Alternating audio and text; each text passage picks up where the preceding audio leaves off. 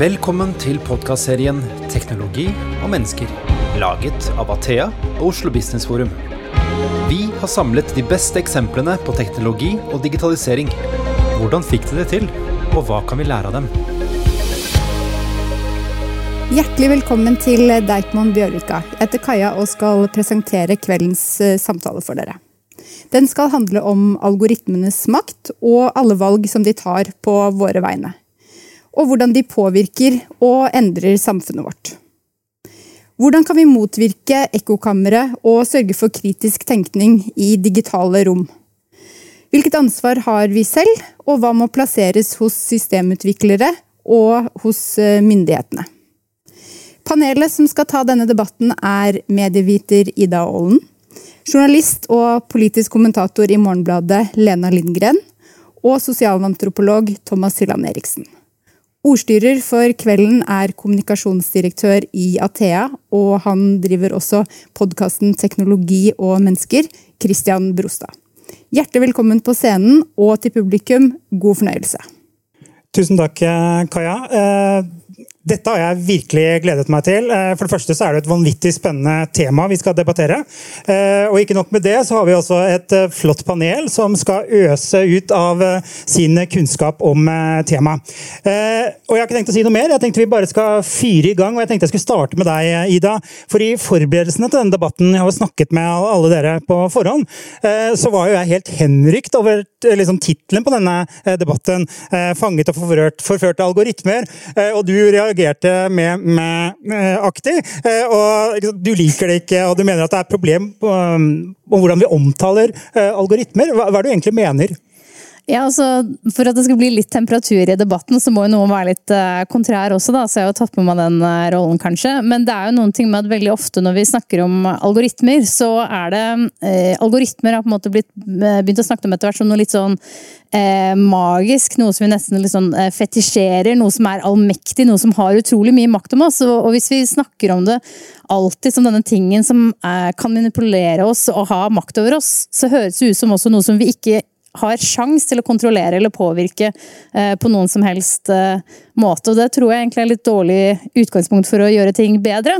Og så er det også det at eh, de algoritmene, fortellingen om hvor utrolig effektive og mektige disse algoritmene er, det er jo egentlig kjempegod reklame for de sosiale mediene. fordi det er jo ikke vi som er kundene deres. Kundene deres er jo folk som vil selge annonser. Så alle, hver gang vi er med på å gjenfortelle historien om hvor utrolig effektiv målrettingen til de sosiale mediene er, så er vi ute og egentlig gjør reklame for de samme sosiale mediene. Så man skal ikke liksom umiddelbart tenke at ja, å være kritisk i algoritmer er ikke nødvendigvis alltid det samme som å være kritisk til de sosiale mediene. At det er det samme, da. At man må si at de er så supermektige for å være kritisk til de sosiale mediene. Gode perspektiver. Vi kommer innom noe av det etterpå. Men tenkte Thomas, eh, du har jo skrevet en eh, fantastisk bok. Den har jeg lest i påska, faktisk. Eh, 'Apenes eh, planet'. Kunne vært apenes, men det var appenes. Omvendt der, vet du. De skrev apenes. Ja, altså, det, var, det var retteprogrammet. De har ikke menneskelige korrekturlesere lenger, vet du. Nei, og av og til er naturlig intelligens det beste. ikke sant. Ja. Eh, og du tar jo opp algoritmer, du også, selvfølgelig. Eh, og algoritmene eh, som vi verken ser eller tenker på. Og du, mener jo, du skriver jo også at den annonsemodellen er på en måte drivstoffet. Mm. hva hva, er dine tanker? Det, altså, det, bildet som eh, danner seg, eh, det er jo, og som Ida også for så vidt antyder, er jo at eh, World Wide Web og algoritmene og appene at de er som et gigantisk nettverk av dataprogrammer. Og at vi er liksom produktet av disse programmene, da, som om vi levde i The Matrix. Men altså, Det er selvfølgelig en karikatur, men vi skal jo likevel huske på at nå er det smarttelefonen jeg har vært opptatt av. Og du vet, smarttelefonen den gjør alt sammenlignbart med alt annet. Altså Hvis du ikke får det inn i en app, hvis du ikke får det inn på denne skjermen, så fins det ikke. Og det er jo noe i seg selv som ikke bare er miniatyriserende og standardiserende, men det er også veldig reduksjonistisk. Fordi eh, det er så veldig mye av virkeligheten som går tapt. og Det tror jeg noe mange har opplevd det siste året, når vi har sittet mange av oss foran skjermer og kommunisert med folk eh, via skjerm og ikke med fysisk tilstedeværelse. Så, så jeg, er, jeg, er, ambivalent. altså Jeg ser noen fantastiske muligheter her. Men uh, vi skal være oppmerksomme. Vi skal prøve å se etter dette usynlige nettverket og hva det faktisk gjør, og hva det ikke gjør, og hva vi kan gjøre med det. Mm. Mm. Nettopp. Og, og, Lena, eh, dette med, med, med algoritmene jeg, jeg, vet ikke engang Hvis jeg hadde spurt de er det 7000 som har sagt de er i interessert i denne debatten, da, eh, om hva, hvordan fungerer algoritmene, hvordan ser vi resultatet um, av de, uh, Er algoritmene for de fleste en sånn svart boks, tenker du? Det vet jeg ikke, men algoritmer er jo akkurat som, eh, altså Algoritmer er jo bare en slags oppskrift eh, som, eh, som, et program løser. Um, og det er, helt, det er, helt, riktig, det er veldig viktig å avmystifisere algoritmen eh, i seg selv. Men det, skal, det som jeg har interessert meg for, det er samspillet mellom oss og algoritmene. For det er ikke sånn at algoritmene ikke, virkelig ikke liksom, trenger dypt inn i livene våre. Det gjør det jo, åpenbart. Og det er et eller annet da, som jeg, det, det jeg syns er interessante spørsmål, er et eller annet imellom oss og algoritmene som, som uh, har en ekstrem endringskraft på oss samfunnsmessig, psykologisk, sosialt, mm, sanselig også. Mm. Og det er det jeg mener er det, det, det, det, kan vi godt undre oss mer over, da, og det er det jeg har forsøkt å gjøre. Mm. Og Du har jo også nylig kommet med en uh, bok som heter Den er også litt vakkert skrevet. da, 'Ekko et essay om algoritmer og begjær'. Og så har du på en eller annen uh, jeg vet ikke, rar måte, en fin måte kanskje, uh, bakt det inn i gresk mytologi. Hvorfor det? Um, jeg, eh, det er myten om Ekko og Narsissus som jeg bruker for å egentlig nærme meg på en måte, altså de samfunnsmessige og psykologiske kreftene eh, som algoritmene eller, eh, eller, sosiale medier bringer frem i oss. Da. Mm. Eh, så den myten er jo veldig interessant i seg selv. Jeg kan godt fortelle den, hvis det er tid til det. Ja, jeg tenker at vi har godt av å høre det. Ja. Okay, Ida er veldig klar. ja, ja, ja, den kortversjonen jeg tror jeg er bra å få det forfrisket. Ja, ja, det tror jeg. Um, altså, myten om Narsus er kjent for, for, veldig mange. Det er jo han som eh, så sitt eget speilbilde i vannet og, og, forelsket seg, uh, og døde av det. Mens um, når, den, eh, når Ovid, romerske poeten Ovid uh, skrev den myten, myten ned for 2000 år siden, så var det en, hele tiden har vært en figur ved siden av Nelsus som heter Ekko. Og Ekko var en uh, nymfe som um, som hele tiden produserte for mye informasjon. Eh, og myten forteller at Hera, som er eh, sjefen i dette universet, eh, og kona til Sefs, hun skulle, var i fjellet for å ta Sefs på fersken, for han var utro med noen andre nymfer.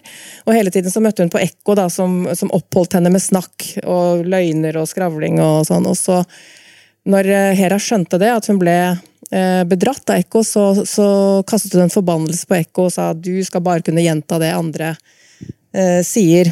Eh, så da mistet Ekko evnen til å si en selvstendig setning. Og etter det, det er først etter det at Ekko ser Narsissus og forelsker seg i han, og følger etter han, og hun overvåker Narsissus idet han ligger i sin dødskamp over vannet. Eh, sånn at når, eh, når Narsissus sier 'farvel, min elskede' til seg selv, så sier, svarer hun da 'farvel, min elskede' til han. Det er liksom myten. Og det er det jeg, jeg tenker at det er gjennom den jeg prøver å si at at det er noen kopieringsmekanismer, sånn ekkomekanismer, i teknologien og i mennesket som spiller sammen, eh, og som gjør at vi ser liksom disse ekko-narsis-figurene eh, rundt oss i, i, kulturen vår, og spesielt i nettkulturen, kanskje. Det er jo det du kaller det mimetiske begjæret, som du har fra filosofene, eller religionsfilosofen René Girard. Og jeg tror det er veldig riktig at det er et mimetisk begjær. altså Det er et ønske om uh, at de andre skal se deg slik du ønsker å se deg selv, og så ser du dem sant, slik de ønsker at du skal se dem. Uh, og så er det gjennom likhet at man speiler hverandre. Uh, og Derfor så blir denne narsissismen som mange snakker om, og det tror jeg du også helt riktig påpeker, den blir en form for pseudonarsissisme. For vi er ikke egentlig så selvopptatt, vi er veldig altersentriske. vi er sykelig opptatt av andres oppmerksomhet. Og i denne oppmerksomhetsøkonomien, eller økologien, så er det jo andres oppmerksomhet som er den største knapphetsressursen. ikke sant? Det er det der ropet om 'hallo, hallo, ikke glem at jeg fins', og se på meg, og trykk like, da, vær litt grei nå, så skal jeg trykke like på deg etterpå. Mm. Eh, og Det, det syns jeg er veldig godt beskrevet, og derfor så blir det, det blir ikke en ekte narsissisme. For narsissisten har nok med seg selv, han. Trenger ikke det andre. Men, eh, men det er en lengsel etter å bli sett og få betydning gjennom andres blikk. Mm. Interessant. Og jeg bare tenker når du snakker nå, fordi um, du skriver jo om uh, Nå kanskje jeg går jeg lagt inn i Kjør på, altså. altså Vi elsker det. Uh, Thomas Hylland Eriksen sin bok handler jo mye om andre kulturers bruk av sosiale medier og av, av apper. Og det er kjempeinteressant, fordi når jeg leste det, så, så du skriver mye veldig liksom, om afrikanske, afrikansk, eh, afghanske og syriske flyktninger, eh, hvordan de bruker det. ikke sant? Og det er så utrolig annerledes enn sånn som vi bruker det. Og da, da, tenkte jeg plutselig Narsissus-myten. Det er jo en vestlig myte. Uh, og det er litt talende. Og, og i Japan og Øst-Europa så brukes, har de et helt annet uh, forhold til teknologi igjen. Altså Der er liksom teknologi mye mer enn sånn spirituell De har mye mer Veldig lite teknofrykt. da. Og det er sånn det der at, uh, altså at teknologien speiler kulturen vi er i. er veldig interessant, og det er jo et sånn antropologisk poeng. Ja, jeg tror mye av den bekymringsdrevne diskursen altså om hjerneforurensning at det er veldig sånn jødisk-protestantisk, nordatlantisk måte å tenke på. da, Som du ikke finner så innmari mye av i Zambia. altså. Og ikke engang i Singapore. Mm. Interessant. Mm. Ida, har vi fått flere narsissister? Med det er, ja, fordi det, det, er jo en ting som faktisk de omtrent ikke gidder å forske på lenger. Og da ikke fordi det så fordi da tenker folk å ja, det må jo være fordi de har kunnet slått fast at folk blir mer narsissistiske. Men eh, det er ingen, ingenting av den forskninga som jeg har sett i de snart eh, ti årene da, hvor jeg har fulgt med på feltet, som tyder på at folk blir egentlig mer narsissistiske. Og det, er hvert fall hvis du tenker ut ifra eh, på en sånn Eh, personlighetsforstyrrelse-måte. ikke sant? At, eh, men det som noen kanskje gjør, da, at, da, hvorfor føles det da så sant at folk blir mer narsissistiske? Men det er jo fordi at eh, en narsissistisk personlighet som i de som fordi i, Hvis man har personlighetsforstyrrelsen, så er man jo veldig avhengig av bekreftelsen. fordi det er en, den, Man er jo ikke egentlig så fornøyd med seg selv, man trenger de andres eh, bekreftelse. Så er jo det ganske kompatibelt med sosiale medier. Eh, fordi liksom, du kan få oppmerksomhet og hvordan du selv fremstiller deg og sånne ting. Men eh, egentlig og det, dette er jo noe som selv når jeg nå sender folk eh, førsteutkast av eh, boka vår og kapittelet om psykisk helse, eh, så, tro, så er det så folk så overbevist i den offentlige debatten at sosiale medier er, er skadelig for den psykiske helsen vår. At de tror at det er skrivefeil gjennomgående i hele biten som går gjennom forskningen på psykisk helse. For det første så overskriften sånn eh, sosiale medier har liten effekt på psykisk helse. Det er sånn, ja, her står det vel feil, ikke sant? Og så lister opp liksom eh, metastudie, longitudinell studie, longitudinell studie, medstudie. Vi har faktisk liksom bestemt for at vi må lage kulepunkter da, hvor vi lister ut alle studiene. For vi kan ikke beskrive forskningen tyder ikke på at folk blir mer deprimert. Liksom, det er ikke noe støtte for det i forskningen, så det passer ikke med hvordan vi ser på verden. Så selv om jeg staver det ut og viser alle fotnoter, så er det sånn Ja, nei, dette var litt vanskelig å forstå. Så sånn, nei, det er ikke det det står ganske tydelig. Og da er det jo sånn, eh, og det er kanskje litt sånn gjennomgående for en ting som jeg har vært opptatt med på sosiale medier, er at eh, altså Mitt poeng da er jo ikke å renvaske sosiale medier og si at hvis man er deprimert Og hvis folk for er deprimerte, så er det ting som tyder på at de ender opp med å bruke da bruker de mer tid på sosiale medier, og de får ikke noe bedre av det. Men det er ingenting i de studiene som går over lengre tid, som tyder på at det er de sosiale mediene som gjør folk deprimerte. ikke sant? Um, og poenget med det er jo ikke å renvaske sosiale medier, men hvis man f.eks. er opptatt av psykisk helse, ehm, så er vi jo opptatt av å finne de viktigste årsakene til at folk har dårlig psykisk helse. Og hvis vi ender opp med å bruke veldig mye tid på å snakke om sosiale medier fordi det virket som den mest logiske forklaringen, men så er det egentlig noe annet som gjør det verre, så blir det jo et problem at vi snakker om sosiale medier på den måten. Ikke fordi vi skal renvaske sosiale medier, men fordi vi vil jo løse det egentlige problemet. Og det er det ingenting i forskninga som tyder på at det er sosiale medier som gjør at, folk for eksempel, at unge for eksempel, sliter med psykisk helse. Veldig overraskende funn, men hvis den hadde vært så tydelig da, som man kan få inntrykk av, så burde det jo ikke vært så vanskelig å påvise den i forskninga. Ikke sant? Det er noen ting med det. Nei, men, men, det er problemet som altså Lena skriver litt om det i, i, i sin bok, så du kan for så vidt eh, snakke om det selv. Men altså det at eh, ok, for de aller fleste så gjør det ikke så innmari mye fra eller til. Men da, da har du den Gaus-kurven, eller så har du 2080-prinsippet, eller ja. et eller annet sånt. Men så er det noen eh, relativt aktive minoriteter, kan du si, mm. eh, som kan komme til å gjøre terrorangrep, eller kaste en bombe, eller, eller bli hjernevasket av en fanatisk religiøsitet, eller eh, et eller annet sånt melde seg ut av samfunnet og, og, og, på en måte gjøre vondt verre også for sine nærmeste. Og Spørsmålet er skal vi ha en politikk av hensyn til dem. Det er litt som alkoholpolitikken. Altså, De fleste som drikker øl, klarer å slutte etter de første tre halvliterne, men så er det de som må ha en til og en til og en til. Og det er først og fremst av hensyn til dem at vi har en alkoholpolitikk. Ja, og Hvis du skal bruke metaforer, så lurer jeg på om det er bedre å sammenligne det egentlig med en ting som la oss si fedmeepidemien. da. Ikke sant? Eh, vi har ikke, man har ikke klart å løse det folkehelseproblemet, og mye av grunnen til det har kanskje vært fordi at det, eh, det hele tiden vært noen som har vært jakt på den ene, den ene store forklaringen bare som forklarer alt. da. Eller for eksempel, ikke sant? først skylde på enkeltindivid, eller ah, det var sukkeret, eller det var det. ikke sant? Men man har jo ikke kommet videre, og det er noe akkurat også med sosiale medier, nettopp fordi det griper så dypt inn i mennesker og folks liv, så er det ikke sånn, det er ikke én effekt eller én stor sammenheng. Det er kjemperotete. Det er 1000 milliarder små effekter. Noen drar i den retningen, noen drar i den retningen, noen drar i den retningen. Og så er det noen som det er lettere for oss å få øye på, ikke sant? fordi de skiller seg med fra hvordan det var før. Men de tingene som egentlig kanskje trekker inn mer positive retningen, tenker vi ikke like mye over. da. Og så kan vi ende opp med å forenkle eh, sammenhengen mer enn sånn som den egentlig er. da. Men jeg tenker også at vi må kunne ha en, en eh, kulturell samtale om som ikke, måte, som ikke, bare handler om å liksom slå for forskningsfunn, legge de på bordet. Det er, altså, Misforstå meg rett, forskning er eh, Det bør være forskningsbasert hvis man skal ha en, eh, en, en kritisk samtale om sosiale medier. Men det er jeg, altså, Det kan finnes studier som, i, som går i mange retninger. Det er noen studier som sier at, at sosiale medier polariserer, f.eks. Så er det noen som sier at det ikke gjør det. Kommer, og forsknings, altså Undersøkelser har forskjellig design, og det er, det er litt sånn at um, jeg syns vi må også kunne holde en liksom overordnet uh, kulturanalytisk samtale på gang uten å måtte forankre alt i tall. Fordi at, uh, fordi at uh, ja, altså, det, dette det digitale skiftet, det er, det er totalt, det. Det er på alle livets områder. Ikke sant? Sånn at, eh, altså, det går ikke an å være for eller mot teknologi. Det er liksom litt meningsløst. Det er så akkurat som å være for eller mot mennesker. Er, teknologien er jo bare uttrykk for oss. Og så ser man at det forsterker visse eh, trekk. Da, ikke sant? Det er det jeg opplever at det har en, en for, veldig forsterkningseffekt, egentlig. Eh, og så må vi, må vi, tenker jeg, kunne klare liksom å ta en avstand til det å se på de kulturelle endringene og prøve å, og, og så kan man lure på er det kausalitet eller er det korrelasjon når man ser kjempe for økning av psykiske helseproblemer. da. Ja, men Det er jo derfor man har studiedesign, for å se på det. da, så Når man for har longitud etter, Endelig, da, fordi har man først fått noe, så får man jo studier som går over tid. Og, og jeg er helt enig, Man skal snakke kritisk om disse tingene, man skal snakke kritisk om sosiale mediers rolle i psykisk helse, men hvis det viser seg f.eks. at sosiale medier er problematisk for folk som har svak psykisk helse. Ok, ok, da er vi et skritt videre. Da kan vi snakke om hvordan vi skal forholde oss til det. da. Men hvis vi fortsatt sier ja, det er sosiale medier som gjør folk deprimerte, og så var det ikke sånn, så hjelper jo ikke de som faktisk er deprimerte.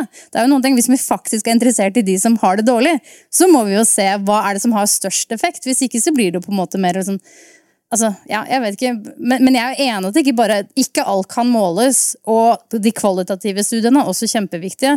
Eh, jeg bare er redd for at vi overser eh, de viktigste sammenhengene fordi vi er mest opptatt av de sammenhengene som gir de beste fortellingene, da.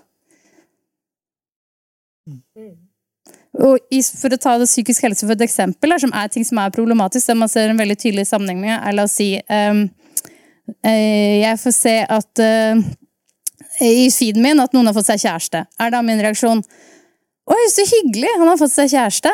Eller sånn Å, alle har kjæreste, og ikke meg.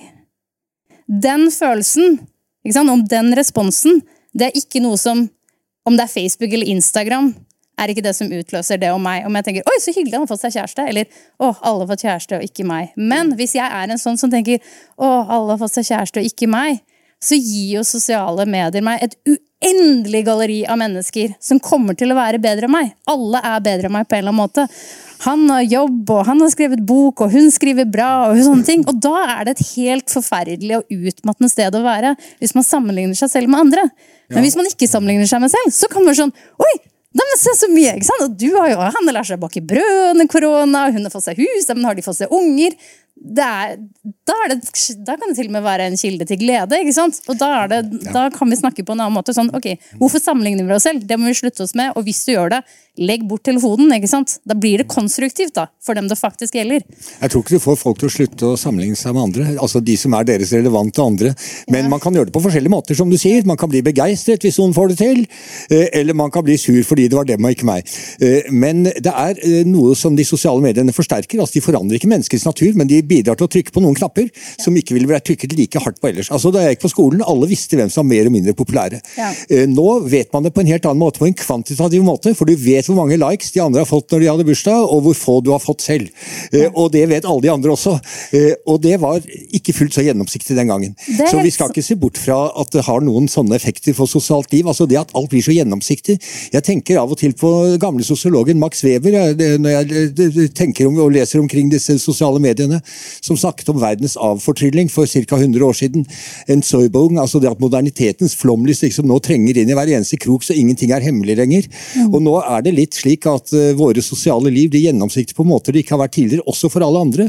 Eh, og det er ikke alltid en bra ting. Ja, og det er jeg kjempeenig og Det er en sånn ting det med hvordan sosiale medier på en måte tar fra oss muligheten til å ha en litt mer sånn selektiv hukommelse, eller liksom gjenskape oss selv, eller få lov til å uttrykke ulike sider av oss selv til ulike, sted, ulike sammenhenger. Men det er jo nettopp fordi at det, det er noe som ikke passer med forretningsmodellen. da.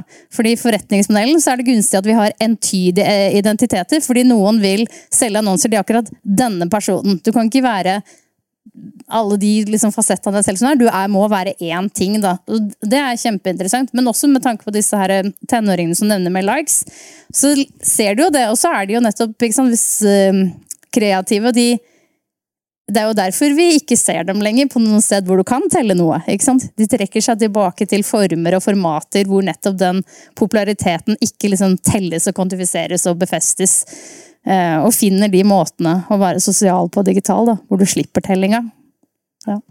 Og Lena, i, i boken din så eh, snakker du om disse kopieringsmekanismene og effektene. Shitstorms eh, og gud veit.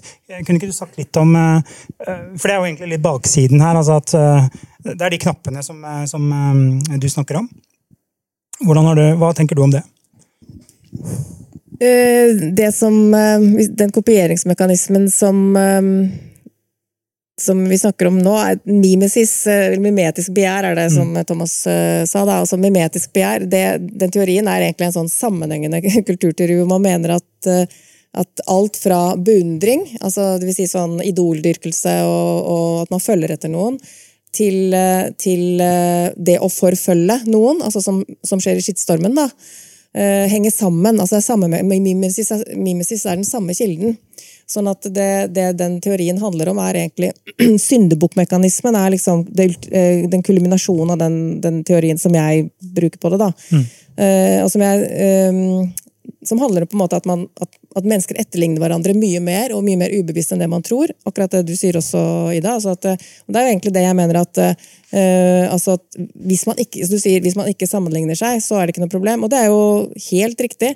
Men jeg tror det sosiale medier uh, gjør oss oppmerksomme på, er at vi i, i, i en ekstrem grad faktisk sammenligner oss. Og det fører til massefenomener som enten kan være sånn at noen altså, Det kan føre til fankulturer, fandom, eller det kan også føre til at man, at man lager seg syndebukker. Og, det, ser- det syns jeg veldig ofte at man ser type sånn altså, altså Syndebukkmekanismen er veldig levende i sosiale medier, og det, det her trenger vi egentlig å bare rett og slett gjøre oss bevisste om da, at dette er en sånn gammel mekanisme som alltid har vært der. Sånn en, eh, den beskrives i Bibelen i sånne altså, den kaster den første stein, ikke sant? Altså Den som kaster den første stein, det, det fører til skred av nye steiner. Mimetiske steiner. Fordi, og til slutt så ligger det et, et menneske dødt på, på bakken, da. Ehm, sånn at eh, det er det å liksom få den bevisstheten om at, man, at, alle, at alle spiller en rolle, da. Fordi vi rett og slett påvirker hverandre så sterkt, så har alle en stein i hånda, og det er den første steinen. Og den typen litt sånn etisk, kulturell refleksjon eh, tror jeg vi, eh, vi på en måte vi virkelig trenger rundt sosiale medier. da jeg, jeg er ikke sånn veldig svartsinnet på verden. Jeg har masse sånne, like mange grupper jeg liker på, på sosiale medier, som er, sånn, som er sånne nerdegrupper og sånn. Men jeg syns at de, de, de skittstormene er helt forferdelige, og at uh, det har skjedd et eller annet med uh, oss. Liksom. Altså, det er et eller annet som skjer når vi får, eh, får sånne taster under fingrene som bare, hvor alt kommer fram. og Det tror jeg kanskje har noe med den minoritetsfunksjonen da, som du snakker om. Uh, altså At høylytte minoriteter teller mer. Men jeg tror også det har noe å gjøre med fravær av fysisk tilstedeværelse.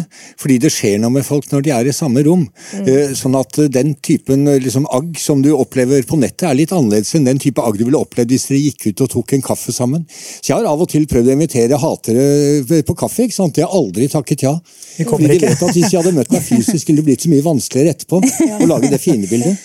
så det er én side ved det. Men vi skal ikke glemme alle de sjenerøse sidene ved sosiale medier heller. Da man deler informasjon. Jeg er også med i masse nerdegrupper, alt fra antropologi til gammelnoadistene. ikke sant?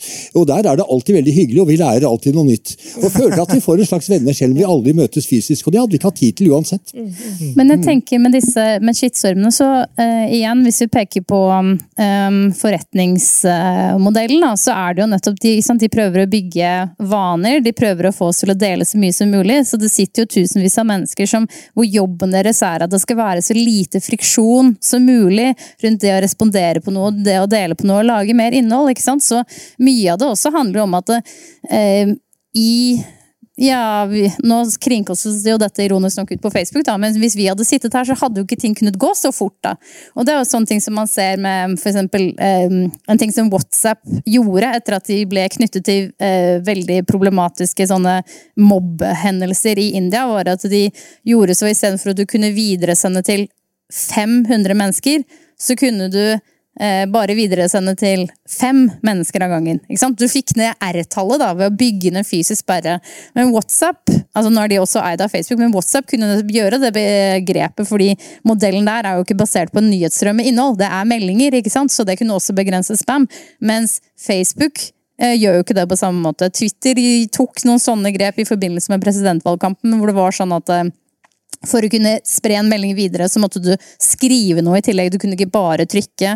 De også hadde en stund en eksperiment hvis du prøvde å eh, spre videre en melding med en lenke, og du ikke hadde trykket på lenken, så var det sånn Er du sikker på at du skal dele denne som du ikke har lest? Og så videre. Men det er jo eksempler for, på friksjon som er liksom fullstendig teknisk gjennomførbare, og som ville gjort at den dynamikken ville lignet, lignet mer på å ta en kaffe. For det er noen ting med det, Men isteden så er de skrudd sammen med å ta bort friksjon.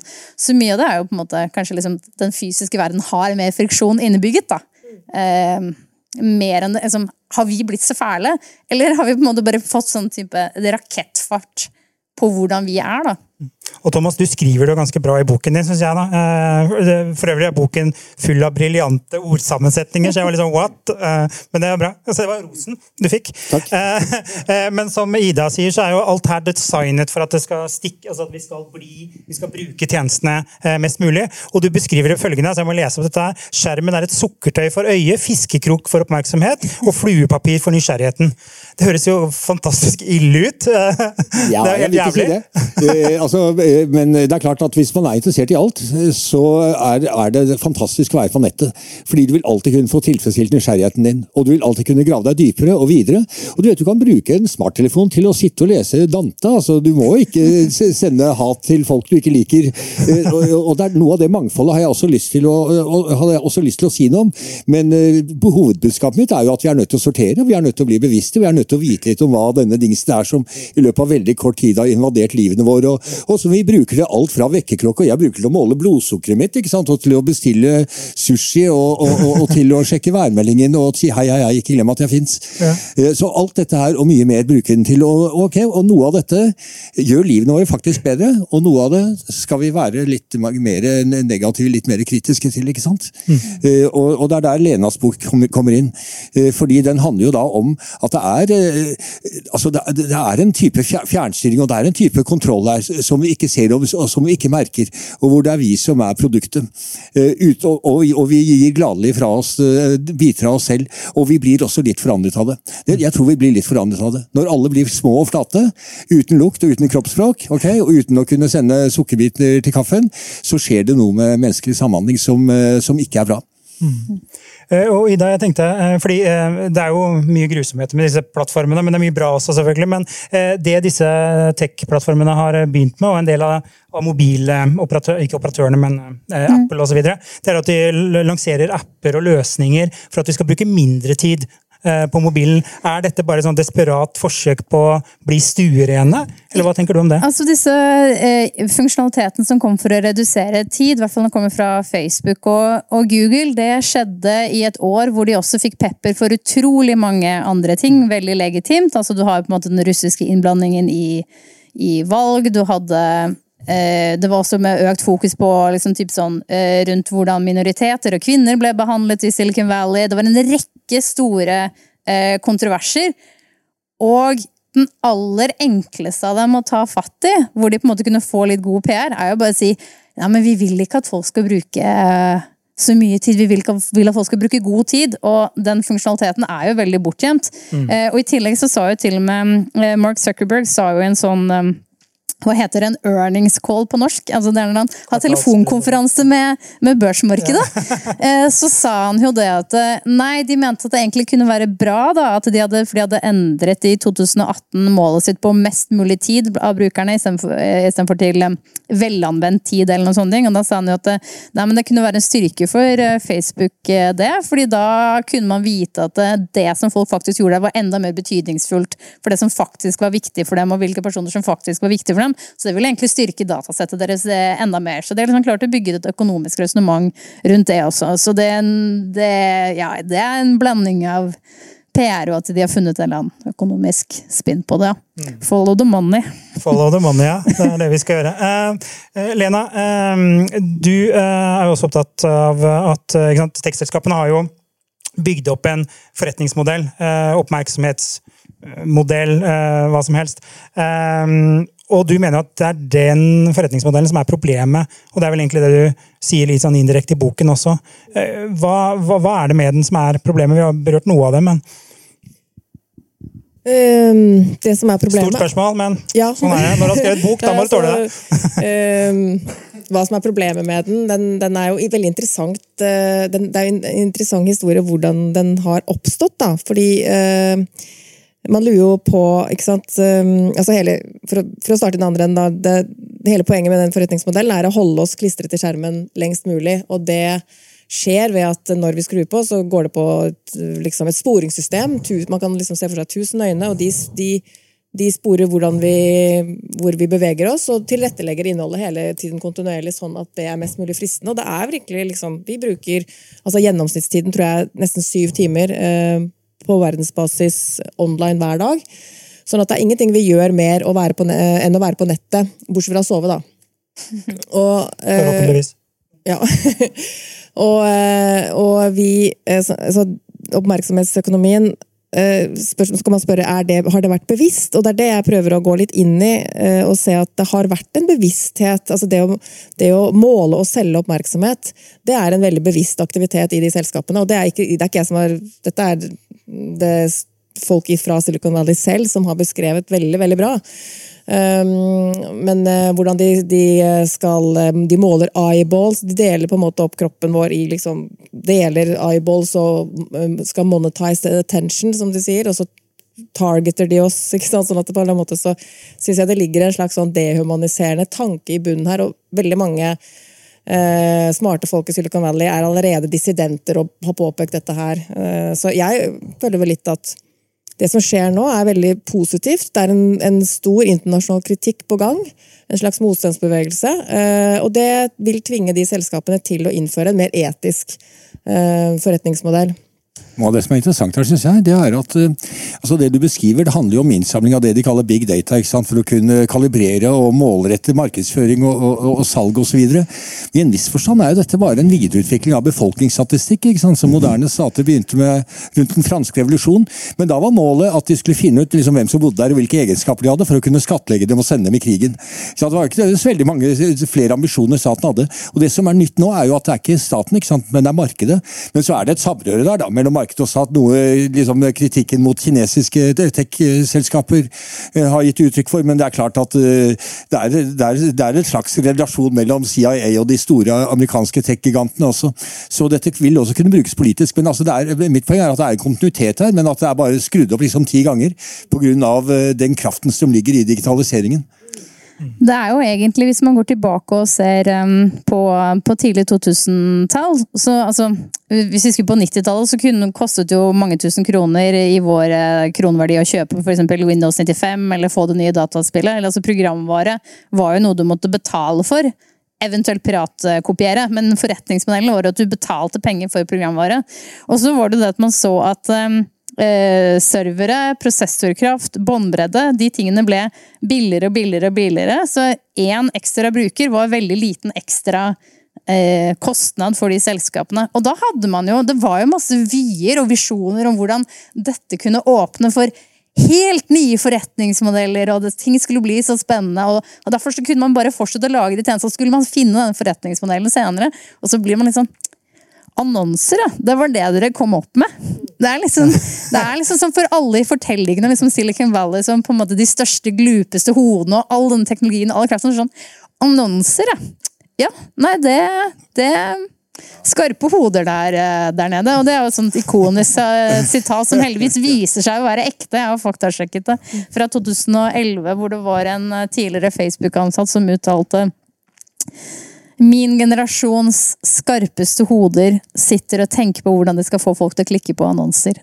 Og det er liksom Og, så, og ti år senere så er det akkurat det samme de sitter og gjør på. Og, og, derfor er det sånn Jeg skulle jo ønske at um, Jeg håper jo at Lene har rett, at de kommer til å finne mer eh, etiske retningslinjer. Men dessverre så tror jeg ikke på at det kommer til å skje. Hvis man ser jo f.eks. hvordan uh, Google for eksempel, finner måter å gi sparken til folk som prøver å jobbe med etikk og prøver å få inn etiske rammeverk, og hvor, hvor, aktivt de jobber mot at folk skal organisere seg, og folk som engasjerer seg politisk, uh, også internt i selskapene, blir ikke forfremmet, eller de blir fryst ut, osv. Så, videre. Så jeg tror jo at det er lover og regler, og det må noen insentiver til. Da, at vi sier eh, ja, Kritikken er liksom ikke nok til at det gjør noe særlig inntrykk. Kan godt hende, altså Hvis det du sier er riktig, da, så er det klart at det har vært et kulturelt forfall. altså Hvis de skarpeste hodene gjør det. fordi For noen generasjoner siden altså, var det de skarpeste hodene gjorde da? ikke sant? De skrev ånd, fenomenologi og komponerte Beethovens symfoni og artenes ja. opprinnelse og, og, sånt noe. Eh, så det er klart, eh, hvis det er riktig, så, så er det litt dystert. Men eh, altså, jeg, der, her tror jeg jeg er litt mer optimist enn en deg, Ida. fordi det skjer jo veldig mye på grasrotnivå også når det gjelder bruken av ny teknologi. Altså Apper som er skreddersydd til å tilfredsstille behov til folk som ikke har så forferdelig mye. Sånn som nyankomne flyktninger i Marseille som lurer på hvor de kan få seg noe å spise, og noen som kan hjelpe dem med asylsøknaden. Eller folk i Afrika som ikke har bankkonto. De fleste har jo ikke bankkonto, for det er nesten umulig å få det hvis du ikke har penger. Men som har akkurat nok penger til at det er meningsfylt for dem å ha mobile betalingsløsninger. Ja. Så det finnes jo eh, slike måter å bruke teknologien på også. Altså, jeg er jo gründer i et teknologiselskap hvor jeg er opptatt av universell utforming og helse og sånne ting, og bruker det. Så jeg er jo ikke uenig i at teknologien kan brukes i det. Jeg, det er jo brødjobben min, holdt jeg på å si. Jeg er jo å gjøre det. Men eh, de, det skumle på en måte er jo det jeg er mest redd for med disse selskapene. For ofte liksom blir det snakk om algoritmene og liksom omtrent at de har tankekraft. Med at eh, de er jo eh, selskaper som har enorm økonomisk makt, liksom. Man trenger, kan jo bare være litt sånn venstrevridd og synes at det er nok grunn til at de skal være skumle. På verdens listen over verdens eh, ti eh, mest verdifulle selskaper i børsverdi, så er vel syv av dem er eh, teknologiselskaper. Facebook og Tencent er to av dem, henholdsvis kinesisk og Og så har du også Google der, som har YouTube. Eh, og de bruker jo mer penger enn noen eh, industri tidligere har brukt i både Washington og, og Brussel. Så selv hvis på en måte kanskje koden deres, algoritmene deres, er liksom ganske dumme og banale, så på et eller annet tidspunkt så kan det jo hende at de finner andre måter å liksom styre verden inn da, ut fra sine ønsker, som handler om lover og regulering og lobbyisme, som jeg tenker vi skal være vel så bekymra som for, ja, da, som og, koden. Bare sånn uh, bipoeng til det, at uh, fordi de har så store mengder data som de har samlet på over, over, lang tid, så har du et ekstremt forsprang på alle andre områder. På helse, mm. på bankvesen, skole. De kommer inn i skolen nå, ikke sant. Altså, pandemien jo, var jo, var jo liksom bare brette, brette, det ut for Så det, det, er jo de selskapene som leder. Mm. Og de har uh, de har uh, ambisjoner som noen ganger er veldig Altså uh, Som også grenser over til transhumanisme, da. Ja. Uh, som, altså, det er slags sånn det er veldig hybris og stor, stormaktstanker i Silicon Valley. I hvert fall rundt de største selskapene. Og det som, det som er interessant der, eh, det, fins et sånn ikonisk essay fra en gang på 90-tallet som heter eh, den, The Californian Ideology, hvor de prøver å skildre egentlig det tankesettet som eh, eh, preger da, Silicon Valley, som er liksom sett på som en sånn slags sånn eh, eh, kjærlighetsbarn, eller hva du vil kalle det, av liksom mer sånn libertarianske eh, teknologipionerer. Som da møter liksom 60-tallets hippiebevegelse i San Francisco, som gir en sånn, eh, ga en sånn merkelig blanding hvor man har en sånn veldig tro på teknologiens frigjørende kraft og kraft til å endre samfunnet, samtidig som man hadde veldig sterk mistro til eh, Eh, liksom, institusjoner og reguleringer. Eh, og troen på at liksom, frie markedet da, skulle komme opp med de beste eh, løsningene. Og det ser man liksom igjen liksom selv i dag. Når vi skriver børsnoteringer, så er det liksom eh, Eller skal gå på børs, så er det samme sånn mission statements og sånne ting som er i tråd med den ideologien. Men det som er verdt å merke seg, da, i hvert fall når man for disse kritiske stemmene, tidligere ansatte, som ofte blir sett på som sånne sannhetsvitner, deres fortellinger er også egentlig innenfor den samme uh, ideologien, den fortellingen. Det har bare gått fra å være teknologioptimister til å bli teknologipessimister, men de er uh, teknologipessimister som er teknologideterminister, som tror på en måte, ikke sant? Så i den dokumentaren Social Dilemma så får du omtrent følelsen sånn Redd deg selv! Ta med barna dine og løp av gårde langt ut i skogen, liksom! Fordi teknologien er så mektig, og den er så sterk, og den kommer til å forandre på alt, og vi er liksom helt liksom Ja, ikke sant, hvordan skal det gå? Men det er jo den samme fortellingen, bare med liksom positiv og negativ vinkling. Så man skal ikke alltid ta disse som helt sånn sann Altså, hele og fulle sannheten får vi aldri fra Silicon Valley, uansett om de er sjefer eller tidligere ansatte, da. Men det er jo noe med denne virtuelle verden som man lever i da, når man driver med digitale ting. altså Du blir litt avsondret av og til fra den fysiske verden med, med sitt skitt og kaos og, og ulikhet og, og, og forråtnelse osv. Så videre. sånn at eh, jeg mener noen vil jo, altså Du skriver om Peter Thiel, da, som er sånn transhumanist, ikke sant, som skal fryse ned hodet sitt sånn at han kanskje kan gjenopplives om noen hundre år. Eh, og så har du Jeff Bezos og Elon Musk, ikke sant, og de har så mye penger at det eneste de kan finne på å bruke pengene på, er å reise til månen. Og det er i en slik verden at Bill Gates plutselig fremstår som en stor helt. ikke sant? Jeg hadde aldri trodd at jeg kom til å si dette, men pga. The Bill and Melinda Gates Foundation, som redder masse liv pga. malariaprogrammer osv. Uh, han var kanskje så tidlig ute at han fremdeles har kontakt med den fysiske verden, og ennå ikke bare lever i The Matrix. Eh, jeg, jeg, så en film, jeg vet ikke om dere har sett den, eh, Coded Bias, eh, som ligger på Netflix. Som, også, som handler om algoritmer. Jeg tenker her, her er det big shit, altså, hvis det er lov for å bruke det uttrykket. Og De beskriver jo blant annet, se på deg, Thomas, det er hvite menn, eller oss to, da, som mm. lager disse algoritmene. Mm. Det er ganske skremmende. Og det, i den koden så koder man da inn fordommer, forutinntatthet osv. Er ikke det egentlig det som er problemet her, ikke annonsemodellen til Facebook. Ja, så Den ene tingen som bare må, jeg må skyte inn der, når man sier sånn ja, de koder inn fordommer, så er det jo nettopp det er jo ikke sånn at de sitter og skriver koder som er sånn eh, Sørg for at alle svarte havner i fengsel. Liksom. Hvis personen er svart, sett dem i fengsel. For det er sånn man hører, tenker kode her. Men veldig mye av dette handler jo også om eh, maskinlæring. Og maskinlæring har liksom en eh, får liksom et eh, bilde av et eller annet veldig sånn objektivt, for det er en maskin som skal ta beslutningen, og ikke et menneske. da blir det, Men de bruker jo det som kalles for sånn eh, læringsdatasett. Så et sånn veldig eh, godt eksempel på hvordan det kan slå feil ut, var at eh, Google prøvde å gjøre maskinlæring eh, basert på eh, Google News-artikler, for å lære hvordan liksom, konseptet henger sammen. Så lærer de sånn ok, Tokyo og Japan det henger sammen på samme måte som Paris og Frankrike. Men den lærte også at mann og ingeniør eh, henger sammen på samme måte som sykepleier og kvinne. Så hvis du da, og også, Jeg har vel også hørt en, et eksempel på hvordan Amazon fant ut at de skulle effektivisere jobbsøkingsprosessen sin og gjøre den mer objektiv. og ikke fordi De hadde litt eh, for mye menn, de skal gjøre den objektiv, så de tenkte men vi vet jo hva slags uh, ingeniører vi vil ha. Vi bare tar alle CV-ene til alle utviklerne vi har, putter det, gjør det til treningsdatasettet, og så sier vi ansett de som ligner på de vi har. Og resultatet var at den første versjonen av den da maskinlæringsalgoritmen eh, den kastet alle søknadene fra kvinner i søpla, for det var jo en veldig svak korrelasjon mellom å være kvinne og utvikler. Men, hvis, men det kunne til syne, hvis det da ikke er Så poenget er jo ikke egentlig så mye at det er en hvit mann som sittet og skrevet at det skal være sånn, men hva er sannsynligheten for at det er den hvite mannen som legger merke til at dette ble utfallet, eller legge merke til at treningsdatasettet i utgangspunktet er skjevt.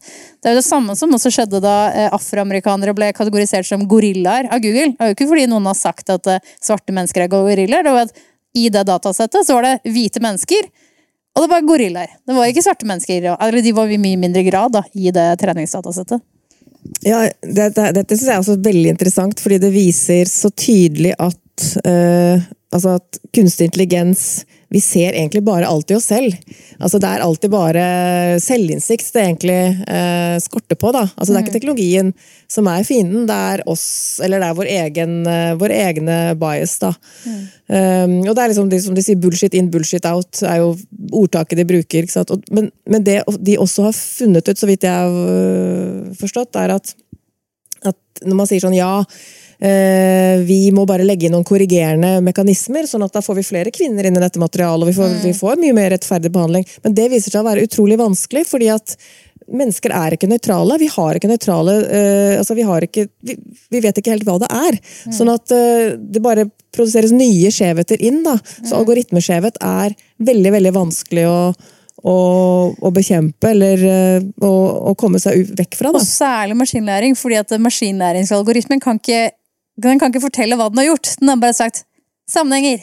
Den kan ikke sånn resonnere og begrunne, men en kode som er skrevet, kan du faktisk lese linje for linje, og så kan du finne feilslutningen og si aha, det er denne linjen, eller det er dette partiet. For her sier de at hvis sånn, så skal vi gjøre sånn, men maskinlæringsalgoritmen, eller det som de kan sånn nevrale nettverk, den er liksom litt mer sånn assosiativ og bare sånn Jeg tror det er sånn, jeg. Så er det, det er derfor, det? Eh, ja, men det er derfor det er viktig du, at man får antropologer inn i denne bransjen. i større grad. I hvert fall folk som kan litt, eller har annen type kulturell bakgrunn. Mm. Eh, og Hvis du tar Teslas selvkjørende biler, da, altså, da, mm. da, blir det jo stilt overfor disse moralske dilemmaene. Hvis det er to stykker som kommer ut i veien, det er en ung og en gammel person, hvem skal du kjøre på hvis du må kjøre på en av dem? Og I vår del av verden vil man kjøre på den gamle fordi ungdommen har mer verdi. I Japan vil det vært omvendt. Mm. Fordi man tillegger alderdommen, altså de gamle har større stat, høyere status. Sånn at, eh, sant? Hvis man bare fikk inn en del innsikter av den type, så ville de kanskje være litt mer oppmerksom på disse ubevisste føringene. Altså det som vi i sosiologien kaller 'that which goes without saying because it comes without saying'. Så at Du tar det for gitt fordi det kommer inn intravenøst og nonverbalt. Mm. Vi nærmer oss slutten her, men jeg tenker eh, det er jo en del utfordringer her, om man er hvit eller mann eller hva man er for noe. da, Ida. Eh, hvem er det som har ansvar for å fikse opp i de utfordringene vi ser? Vi tror vel kanskje ikke at de store tech-selskapene vil fikse det, i hvert fall ikke du tror på, Ida? Nei, Hvordan skal vi fikse de problemene her? Nei, det må, det må, være reguleringer. Det må være politisk. Det er den eneste løsningen. Fordi det handler om at veldig, mye av det som går galt i dag, handler om forretningsmodellen. Og den kommer til å bestå, men i alle mulige andre bransjer også, hvor folk skal tjene penger på et eller annet, så sier vi ja, det er lov å tjene penger. Det er ikke feil å tjene penger, men du må gjøre det innenfor disse rammene. Hvis du skal lage en bil, så er det noen krav til hvordan en bil skal se ut. Eh, hvis du skal, lage, skal, produsere alkohol, så er det noen krav også til hva du får lov til å putte oppi der. Eh, og det er bare alle mulige andre ting vi forbruker og kjøper, er regulert på den måten, og sosiale medier er ikke det. Men å lage de reguleringene, det skal jeg ikke si er lett. Men det er ikke noe spørsmål om hvem, hvor det må ligge. Det må være Det er lovene som vi har, vi har, jo alle sett høringen i Kongressen ja. Eh, med Facebook og sånn. Det var jo ganske latterlig. Hva tenker du, Thomas? Er, det, er, du enig med Ida? Ja, så, ja, jeg tror at vi kan lære noe av miljøpolitikken, altså, som er relativt ny i alle deler av verden, men som har vist seg å fungere på en del områder. Nå skal vi få bilene ut av byen. Vi skal slippe å puste inn sot og støv sånn at vi får lungesykdommer altfor tidlig. Eh, og vi skal til og med få lov å slippe altfor mye støy i vårt nærmiljø. Så hvis man kunne bruke det som modell for en eh, teknologipolitikk, så ville det i hvert fall være en begynnelse. Hva du sier, Lena? Jeg er veldig enig i det. Eh, jeg, tror, eh, jeg slutter fullt opp om dere begge to. Men jeg tenker også at eh, altså, det er jo i en oppmerksomhetsøkonomi, og når oppmerksomhet er forretningsmodellen, så er det jo sånn at uh, vi besitter den ressursen som er oppmerksomhet. Som er vår årvåkenhet, vår øyne og våre ører. Vi, og det bestemmer vi oss over selv. sånn at uh, hvis i den, altså, det, det øyeblikket vi trekker oppmerksomheten vekk, og gir den til f.eks. hverandre i en fysisk situasjon, eh, eller, eller, bare et annet sted, så, så, ligger det maktesløst og dødt. Og vi, så vi har også en, en eh, makt, da. Mm. Og en motstandskraft. Og vi er, blir jo ikke ferdig med denne debatten, så den må, tror jeg må fortsette i de tusen hjem. Eh, Ida, Lena og Thomas, tusen takk for at vi har fått lov å bli litt klokere. Eh, og så tusen takk til dere som har fulgt oss. Du har nå lyttet til Teknologi og mennesker, laget av Athea og Oslo Business Forum. Liker du podkasten, setter vi stor pris på om du gir oss noen stjerner. Og tips gjerne en venn om podkasten.